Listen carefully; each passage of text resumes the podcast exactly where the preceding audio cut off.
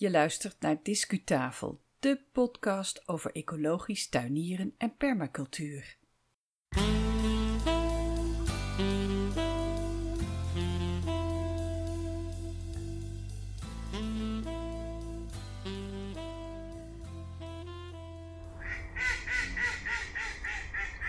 Het jaar 2020 is uitgeroepen tot het jaar van de wilde eend. Daarom staat deze bekende watervogel centraal in deze eerste aflevering in 2020. Ik ben Yvonne Smit. Fijn dat je weer een episode hebt gedownload van Discutafel podcast. Dit is aflevering 6, nee 68 alweer en vandaag is het 2 januari. Misschien hoor je nog wat geknal van restjes vuurwerk in de straat op de achtergrond. En het, hoewel het zomaar kan dat je dit beluistert midden in de lente of in de herfst, uh, wil ik je toch vanaf deze plek een groen en duurzaam jaar toewensen. En hopelijk kunnen wij daar een, eh, een beetje aan bijdragen met ons infotainment over natuurvriendelijk tuinieren en over allerlei andere onderwerpen rond een duurzame levensstijl. Elke twee weken een nieuwe podcastaflevering, telkens online op donderdagmorgen om 7 uur. En verder onze blogs op discutafel.nl en onze digitale gesprekjes via de diverse social media. Maar nu eerst de duurzame tip van de maand.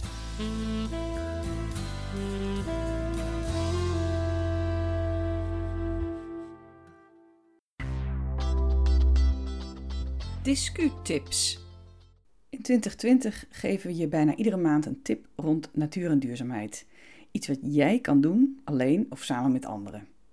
De tips zijn ontleend aan de IVN-kalender Een Duurzaam Jaar, die je in 2019 kon winnen bij een van onze discuacties. Het thema van januari is klimaatontwrichting. En de tip die wij uitkiezen, dat is tel al jouw vliegkilometers van de afgelopen jaar eens bij elkaar op. En breng het maximum aantal vliegkilometers voor dit jaar fors terug. Schrijf vooral ook dat aantal, dat maximum aantal op. En blijf dit jaar daaronder. Dat is je doel.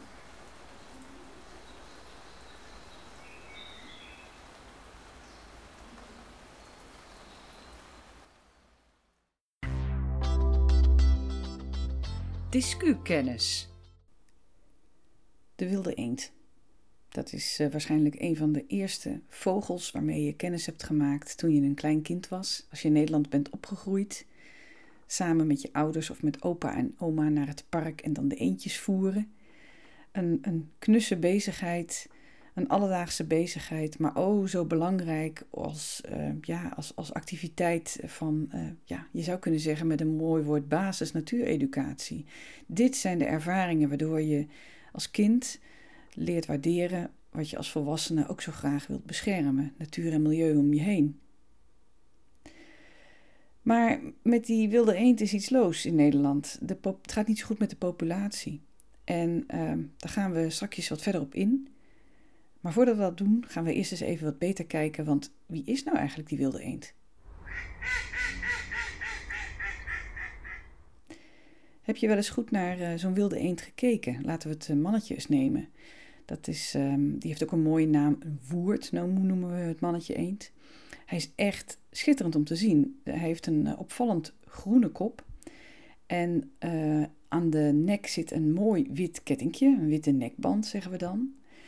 En kijk ook eens naar zijn staartveren. Want als daar een mooi krulletje in zit, dan weet je zeker dat je van doen hebt met een mannetje van de wilde eend.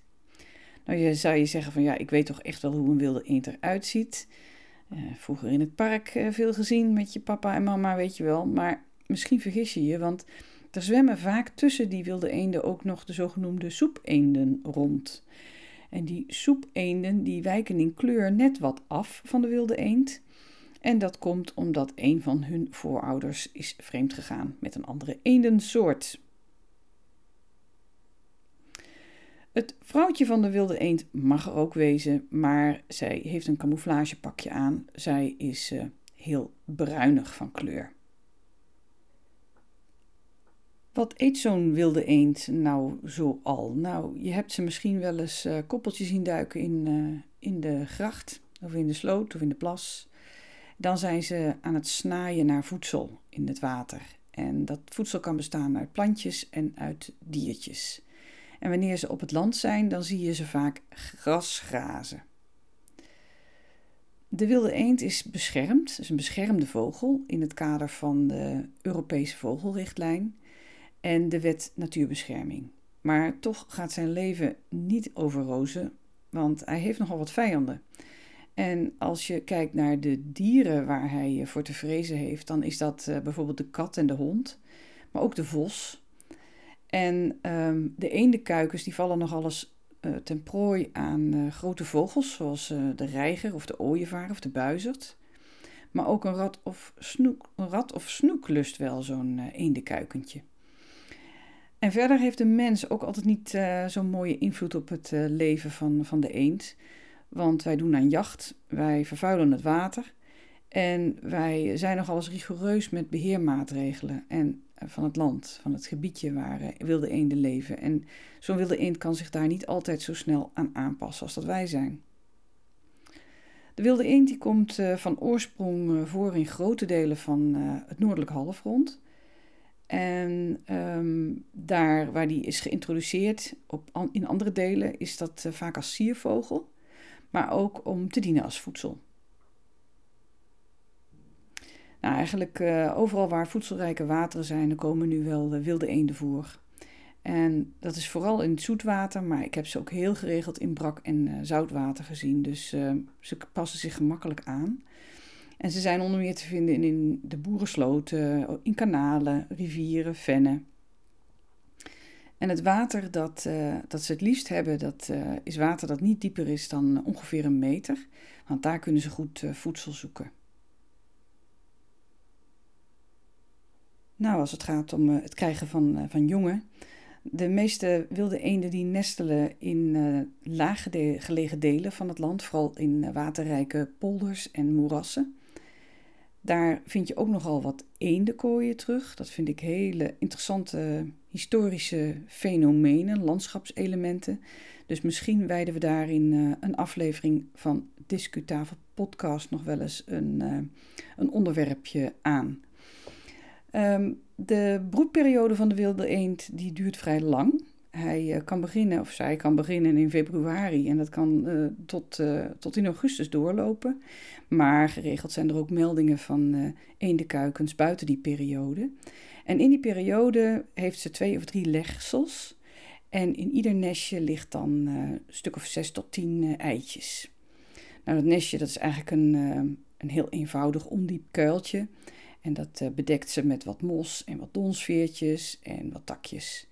Dat is meestal in de buurt van water uh, of onder struiken, tussen plantjes, in boomholtes. Maar ze komen ook, die vogelnestjes, uh, die eendenestjes, komen ook voor in tuinen. Dus misschien heb jij daar wel ervaring mee.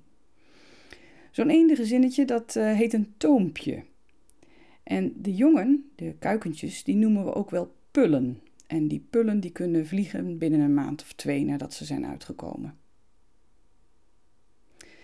Het is vooral buiten de broedtijd dat je veel wilde eenden ziet. En dat is dan vooral op, uh, op open water, in boerenland en in de steden. Ze kunnen best goed tegen Nederlandse winters. Uh, die winters die worden steeds zachter, ook in, uh, in, in, landen ten noorden van ons.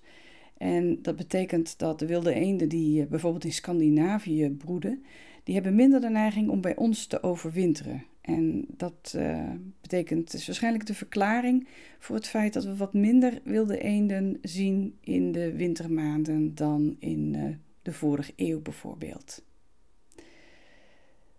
De wilde eenden die in Nederland broeden, dat zijn voornamelijk standvogels. Ze blijven hier. Als het heel bar en boos weer is, dan willen ze wel eens een klein stukje uh, trekken, zeg maar. Maar over het algemeen blijven ze gewoon op hun stekkie.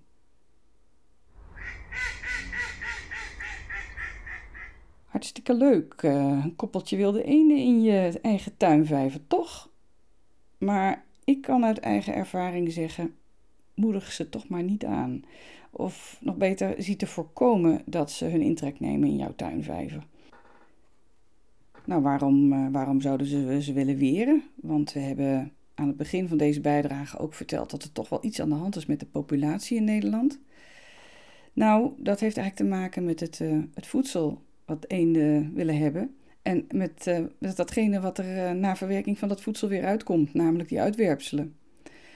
En de meeste van ons die hebben een, een tuin, als ze al een tuinvijver hebben, hebben ze een vrij kleine tuinvijver.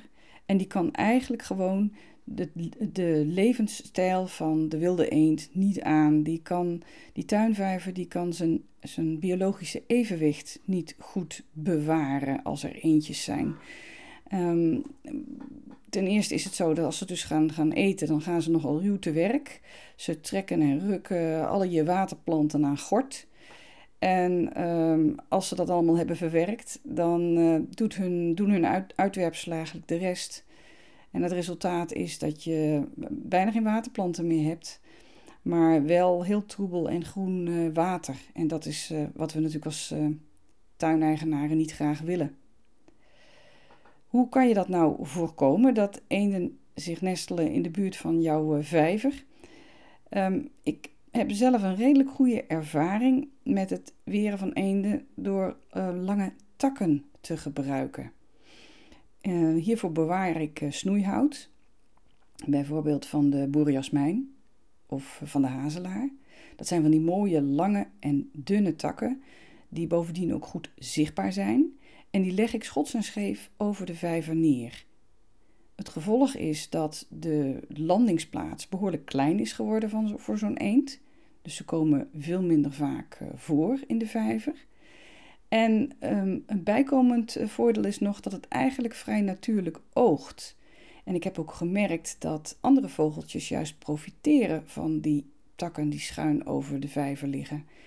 Duiven die uh, gaan erop zitten duiken naar voren om lekker te drinken. Ze voelen zich gewoon veel veiliger, bijvoorbeeld uh, als bescherming tegen de katten in onze tuin. In waterrijk Nederland zie je bijna overal wel wilde eenden dus. Wij vinden het vanzelfsprekend dat ze er zijn, we denken er niet over na.